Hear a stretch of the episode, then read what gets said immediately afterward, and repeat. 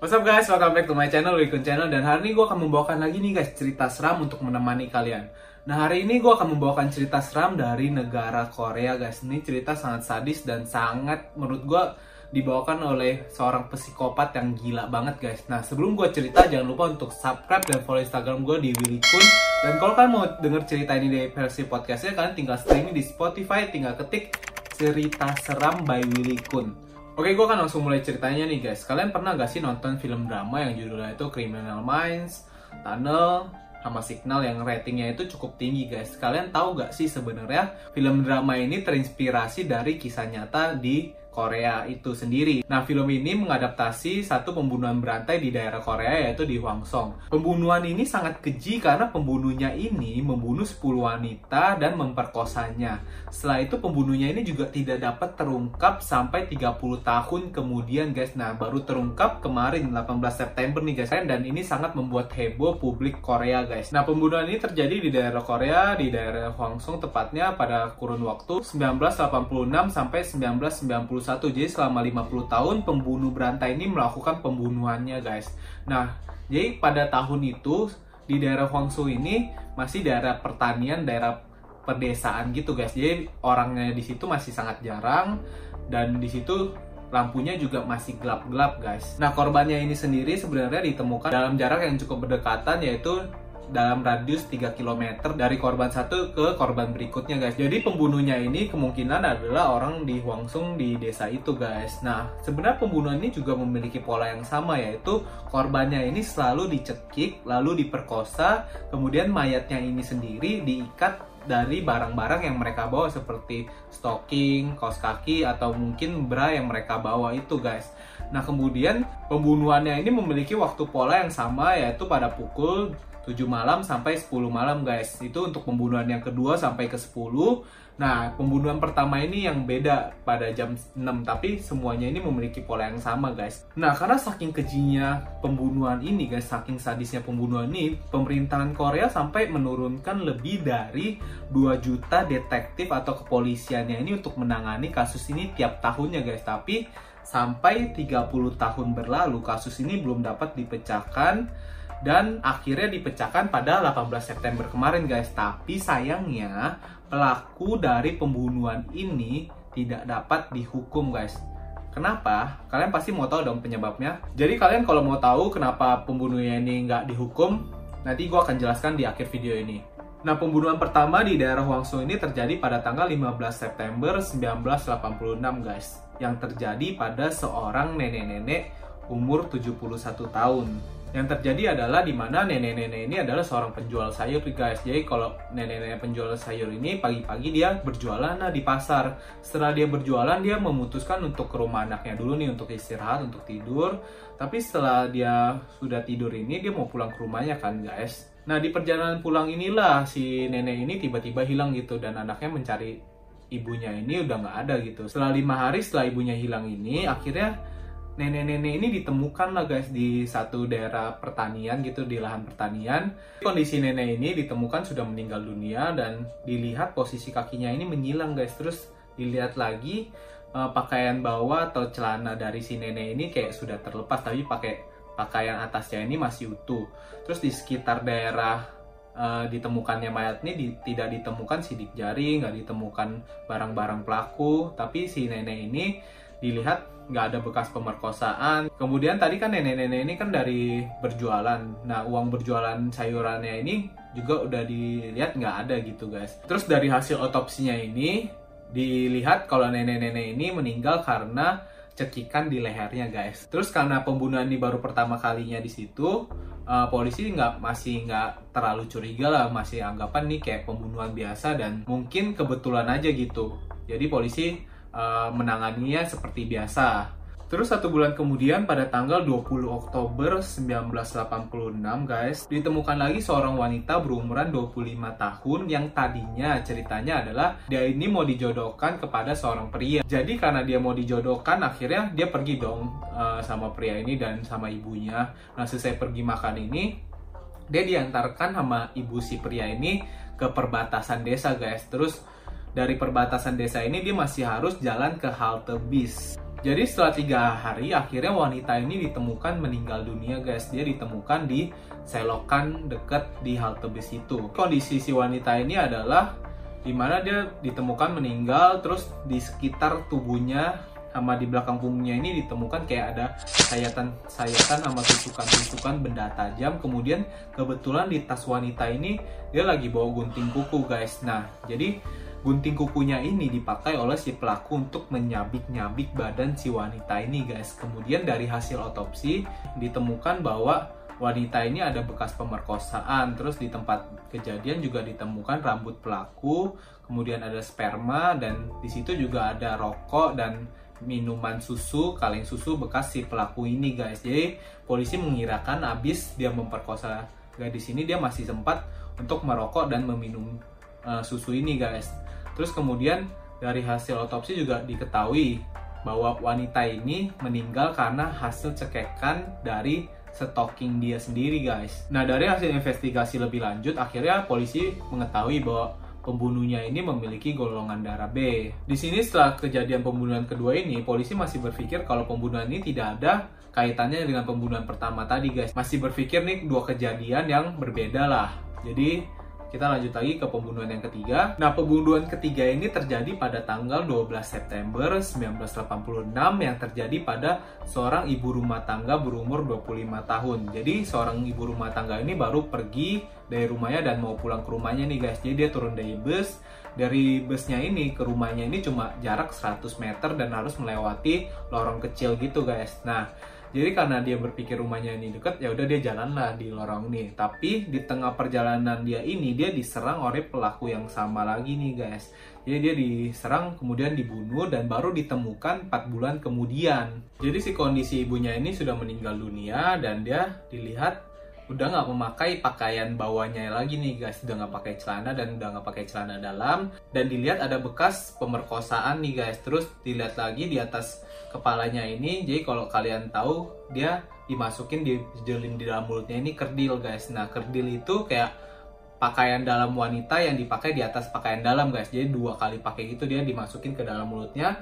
Kemudian celana dalam si ibu ini ditaruh di atas kepalanya ini untuk menutupi matanya. Nah si ibu ini kan ditemukan sudah empat bulan kemudian kan guys. Jadi kondisi ibunya ini sudah sedikit membusuk tapi masih ditemukan kartu identitas di sekitar uh, tempat TKP itu. Jadi polisi bisa menghubungi keluarga si korban ini Nah di sini polisi masih berpikir pembunuhan ini nggak ada kaitannya dengan pembunuhan yang pertama dan pembunuhan yang kedua.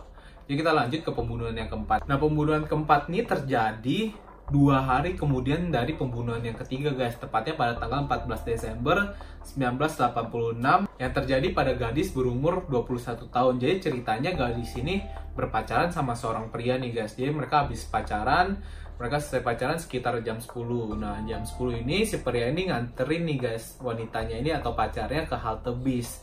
Nah di halte bis ini pria ini sempet kayak nganterin sampai ngeliat si pacarnya ini masuk ke bis lah jalan pulang kan Nah di perjalanan pulang ini anehnya si wanita ini nggak pernah sampai di rumahnya. Jadi kayak orang rumahnya itu kayak bingung lah kok anaknya ini belum pulang. Akhirnya orang rumahnya ini telepon pacarnya nih si cowok. Kemudian dia tanya kok anak aku belum pulang ya terus si cowok bilang loh tadi aku udah anterin kok sampai ke depan halte bis terus aku juga udah lihat dia masuk ke dalam halte bis nah setelah orang tua itu mendengar hal itu dia buru-buru untuk melaporkan hal ini ke polisi setelah akhirnya polisi menerima laporan ini mereka melakukan investigasi. Terus untungnya di situ ada satu orang saksi yang melihat kalau wanita ini ia ada di dalam bus ini dan dia itu turun di halte deket rumahnya kemudian jalan ke arah rumahnya. Setelah akhirnya polisi mendapatkan kesaksian itu akhirnya polisi cari uh, wanita ini di sekitar rumahnya ini. Terus baru ketemu satu minggu kemudian. Jadi kondisi korban yang ditemukan ini dia udah meninggal dunia kemudian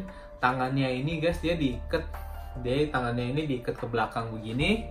Terus di situ dilihat lagi bahwa udah nggak pakai celana sama celana dalamnya nih guys. Terus lagi-lagi ditemukan bahwa uh, ada kerdil di dalam mulut si korban yang dijejelin. Kemudian ada celana dalamnya dipakai di atas kepalanya Terus ditemukan juga ada tanda-tanda pemerkosaan. Terus dia nggak berhenti di situ aja guys. Jadi pembunuhnya ini ngelakuin hal yang sangat keji. Di situ polisi ngelihat ada tanda-tanda dari kekerasan di sekitar daerah intim wanita ini guys. Jadi ada bekas tusukan-tusukan dari payung di daerah intim si wanita ini guys.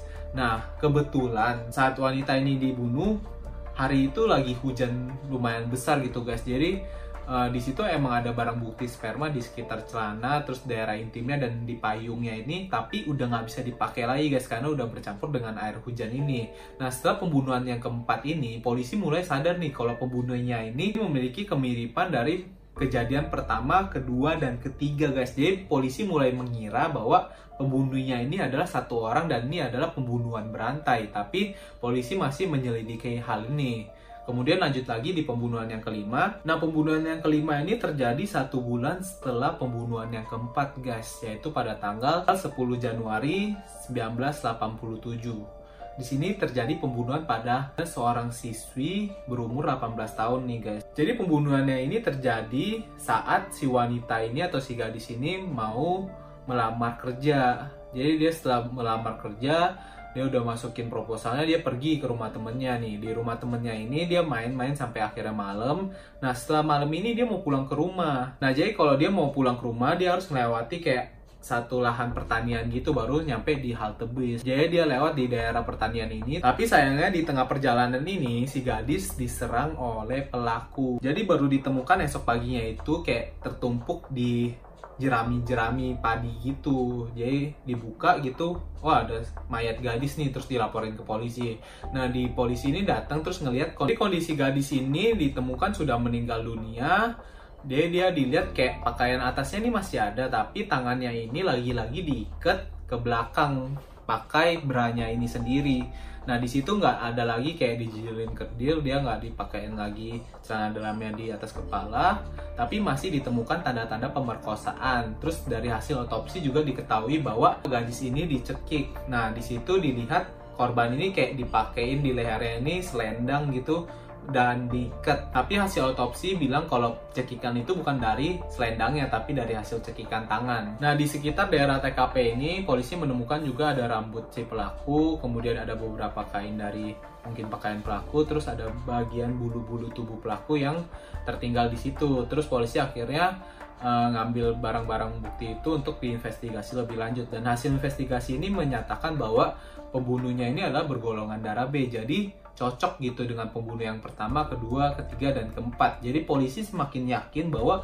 pembunuhnya ini adalah seorang pembunuh berantai dan pastinya pembunuh ini bukan pembunuh biasa, dia adalah seorang pembunuh yang psikopat dan sedikit gila, guys.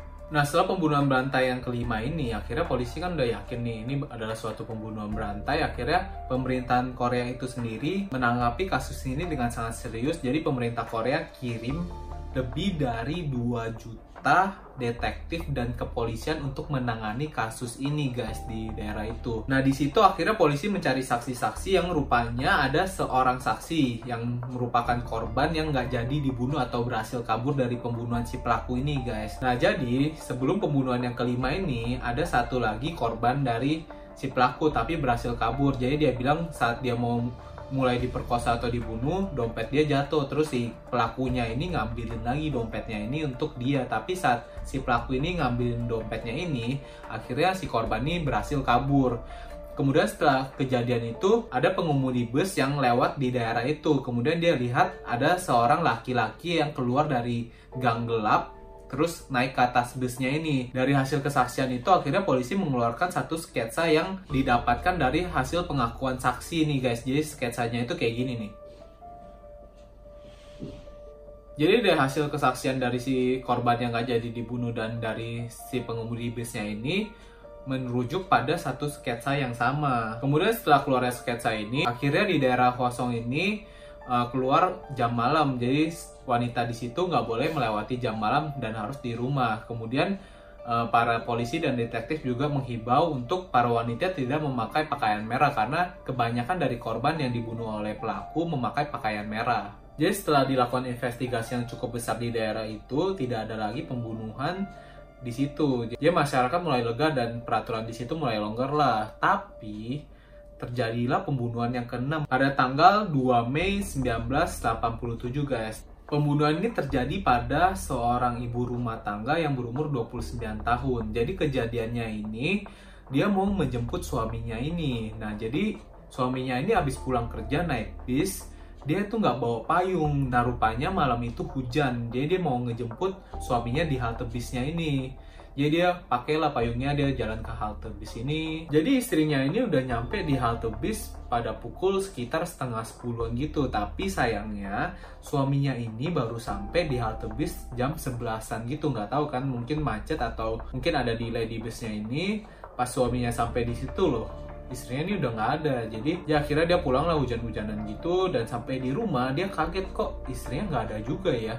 Nah karena dia juga udah tahu ada isu pembunuhan ini akhirnya dia cepet-cepet ngelaporin hal itu ke polisi. Nah jadi setelah mendapatkan laporan itu akhirnya polisi mencarilah ibu ini. Jadi ditemukan ibu ini sudah meninggal dunia di mana dia ditemukan di dekat daerah rumahnya nggak jauh 200 meter ada kayak kuburan gitu dan ibunya ditemukan di situ di dekat kuburan itu. Nah kondisi ibu rumah tangga ini sendiri sudah meninggal dunia, kemudian tangannya ini diikat pakai pakaiannya sendiri ke belakang, terus dilihat kalau celananya ini kayak udah sempet dibuka tapi kayak dipakaikan paksa lagi gitu. Di mulutnya udah nggak ada kerdil dan kepalanya juga nggak dipakai celana dalam lagi, tapi di situ ditemukan sperma di celana si ibunya ini. Terus akhirnya diinvestigasi. Nah setelah hasil investigasi ini polisi itu bingung kok hasilnya ini kenapa DNA yang didapatkan dari sperma itu kok golongan darahnya A padahal pembunuhan pembunuhan yang lain bergolongan darah B tuh jadi polisi semakin bingung dia berpikir kalau jangan-jangan pembunuhan ini nih bukan satu orang tapi di sini polisi juga berpikir mungkin sperma ini adalah sperma si suami ibunya ini karena spermanya ini bergolongan darah A dan kebetulan suaminya ini juga bergolongan darah A.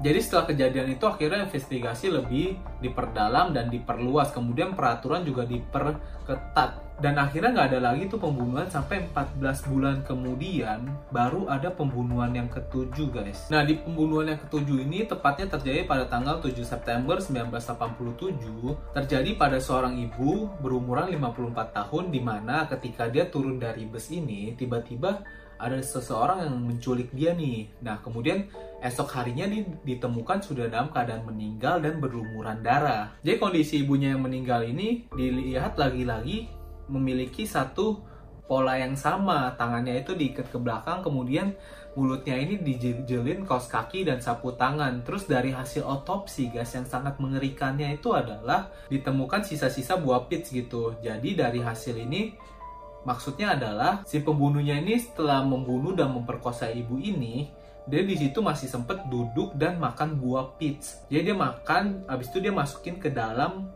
daerah intim ibu ini di situ polisi semakin gila dan semakin tahu kalau pembunuhnya ini benar-benar bukan pembunuh biasa.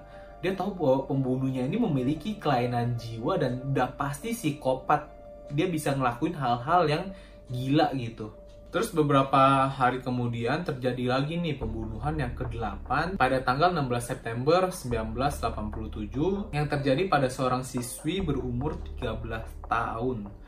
Tapi di sini polisi menyatakan bahwa pembunuhan ini tidak bersangkutan dengan pembunuhan yang ke-1 sampai ke-7 karena rupanya pembunuhnya ini bukan pelaku pembunuh berantai itu. Tapi cerita ini selalu dikait-kaitkan dengan pembunuhan berantai ini karena terjadi di daerah Huangsu juga. Jadi kisah pembunuhan ini terjadi di suatu rumah. Di situ pada pagi hari ibunya ini pengen bangunin anak-anaknya nih. Nah, pas dia bangunin satu-satu anaknya, anaknya ini ada di bawah selimut dan dia coba dibangunin kok nggak bangun-bangun? Akhirnya dibuka selimutnya ini pas dibuka ibunya kaget karena pakaian bawah dari si anak ini udah udah nggak ada. Terus dilihat dia udah meninggal dunia gitu. Terus dari hasil otopsi akhirnya ditemukan bahwa anaknya ini meninggal karena dicekik kemudian ada tanda-tanda pemerkosaan. Dan akhirnya polisi menginvestigasi lah kejadian itu. Terus akhirnya ditemukan seorang pria berumur 22 tahun menjadi pelakunya. Dan di situ akhirnya dia memberikan kesaksian bahwa sebenarnya pertamanya itu dia suka dengan kakak si adiknya ini. Dan dia bertujuan masuk ke rumah itu dan memperkosa kakaknya ini. Tapi di tengah melakukan aksinya ini dia ketemu sama adiknya. Jadi dia berubah pikiran di situ dan akhirnya dia melakukan pembunuhan dan pemerkosaan itu kepada adiknya. Kemudian setelah pembunuhan yang ke-8 ini, udah nggak ada pembunuhan lagi sampai 2 tahun kemudian. Tapi pada tanggal 15 November 1990, seorang siswi berumur 14 tahun lagi-lagi ditemukan meninggal guys. Jadi cerita dari pembunuhan yang ke-9 ini ada seorang siswi yang tiba-tiba hilang gitu di sekitar daerah pergunungan. Nah di situ dia ditemukan sudah meninggal dunia dan lagi-lagi tangannya ini ditemukan terikat. Kemudian uh, ditemukan juga mulutnya ini disumpel pakai beranya dia terus karena di dalam kotak pensilnya itu ditemukan silet yang untuk anak kecil ini nah si pelaku pembunuhan ini pakai siletnya itu untuk menyayat-nyayat tubuh si siswi ini yang berumur 14 tahun. Terus dilihat lagi dari hasil investigasi bahwa siswi ini dibunuh dengan cara dicekik menggunakan stockingnya. Nah, terus lagi-lagi kejinya ini si pembunuh memasukkan sendok dan garpu ke dalam daerah intim si siswi ini, guys. Nah, setelah ditemukannya itu akhirnya dihubungilah keluarga korban dan di situ keluarga korban memberikan satu kesaksian yang sangat mengerikan yaitu bahwa siswi ini dibunuh pada saat ulang tahun dia. Jadi pada saat ulang tahunnya dia ini si ibu ini kan kayak biasalah acara ulang tahun dia masakin masakan yang banyak terus dia bekelin anaknya ini untuk makan pagi, makan siang dan makan malam. Dia anak itu bawa bekalnya ini. Nah di tengah perjalanan dia ini dia ketemu sama si pelaku rupanya. Tapi dari hasil otopsi dilihat bahwa pencernaan dari siswi ini belum selesai. Maksudnya itu adalah jadi ketika pelaku ini mau membunuh dan memperkosa dari gadis ini, dia masih sempat untuk menyendoki si gadis ini makan dari makanan dia nih jadi kayak polisi yakin banget kalau pelakunya ini bener-bener gila dan sangat psikopat guys. Siapa sih pembunuh yang masih sempet nyendokin korbannya ini makan baru dibunuh? Itu kan bener-bener di luar nalar orang normal guys.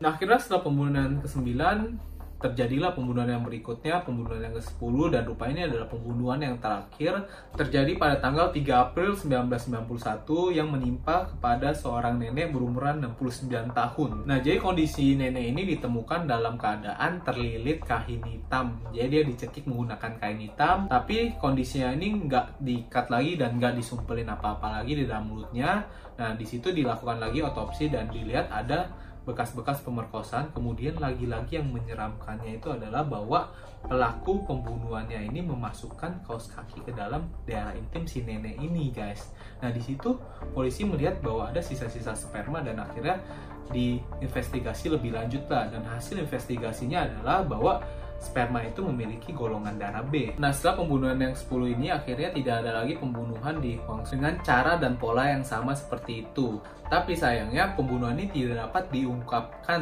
sampai 30 tahun nih.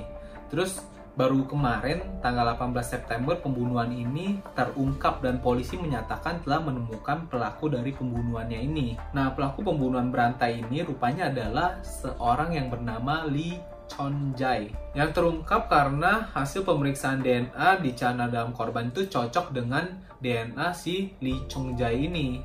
Nah, jadi DNA pelaku ini ditemukan pada celana dalam korban dari pembunuhan nomor 5, 7, dan ke-9. Di situ kalian pasti bingung dong, kenapa DNA-nya ini baru ditemukan sekarang dan baru diungkapkan sekarang. Jadi sebenarnya pada tahun 1986 ini, pemerintahan Korea ini sudah berusaha untuk menyocokkan DNA pelaku. Tapi di situ kita masih harus mengingat teknologi pada tahun 1986 ini belum semaju dengan teknologi sekarang ini dan karena teknologinya itu belum sanggup, akhirnya pemerintah Korea ini meminta tolong pada pemerintah Jepang. Tapi setelah dilakukan hasil pemeriksaan DNA itu masih tidak dapat ditemukan kecocokan. Nah, sampai akhirnya sekarang ini karena kemajuan teknologi itu sudah sangat baik, akhirnya dapat dicocokkan. Terus kalian pasti bingung dong, dari mana barang buktinya itu kok masih ada kan itu udah terjadi 30 tahun yang lalu. Jadi kondisinya ini karena kasus ini sangat heboh dan kasus ini sangat besar, jadi barang buktinya itu sebenarnya masih disimpan sampai sekarang dengan kondisi khusus dari pemerintah Korea ini dan sampai akhirnya masih bisa dipakai sekarang ini. Tapi sayangnya setelah pelaku pembunuhan ini ditemukan dan dilakukan pemeriksaan DNA dan DNA-nya ini cocok, pelaku pembunuhan ini tidak dapat dihukum Karena dalam peraturan pemerintahan Korea itu, kalau suatu kasus nggak bisa diselesaikan dalam masa kurun waktu 15 tahun, kasus itu akan diputihkan dan pelakunya akan dibebaskan dari hukuman penjara. Nah, karena hebohnya kasus ini, akhirnya pemerintah Korea melakukan revisi undang-undang dan bahwa suatu kasus dapat diputihkan kalau sudah berumur 25 tahun dan tapi sayangnya lagi dari kasus ini sudah berlalu selama 25 tahun pada kemarin tahun 2016 dan baru terungkap sekarang 2019. Jadi intinya adalah pelaku itu tidak dapat dihukum lagi karena peraturan pemerintah itu. Nah, yang menariknya lagi dari Lee Chong Jae ini adalah dia ini sebenarnya sudah ditangkap dan dipenjara sampai sekarang nih pada tahun 1994 dia lagi-lagi melakukan pembunuhan. Tepatnya itu di Busan dia membunuh kakak iparnya dan lagi-lagi dia memperkosanya. Kira di situ dia tertangkap dan dipenjara seumur hidup. Dan sampai sekarang ini dia masih di penjara. Tapi anehnya ini dari hasil pemeriksaan bahwa dia ini bergolongan darah O. Jadi kalau kita ingat tadi kan banyak kasus yang golongan darahnya itu B. Tapi golongan darah dari Lee Chun Jae ini adalah O, jadi nggak cocok gitu. Nah kasus ini masih diperdalam sampai saat ini nih guys. Oke itu dia guys, jadi cerita seram dari Korea yang merupakan cerita yang paling sadis di Korea dan baru terungkap kemarin 18 September. Jadi menurut kalian gimana nih, si Lee Chung Jae itu pembunuh berantai dari Hwang Sung apa bukan? Komen di bawah ini ya guys pendapat kalian. Oke, makasih ya guys sudah nonton video gue dan sampai jumpa di video berikutnya. See you!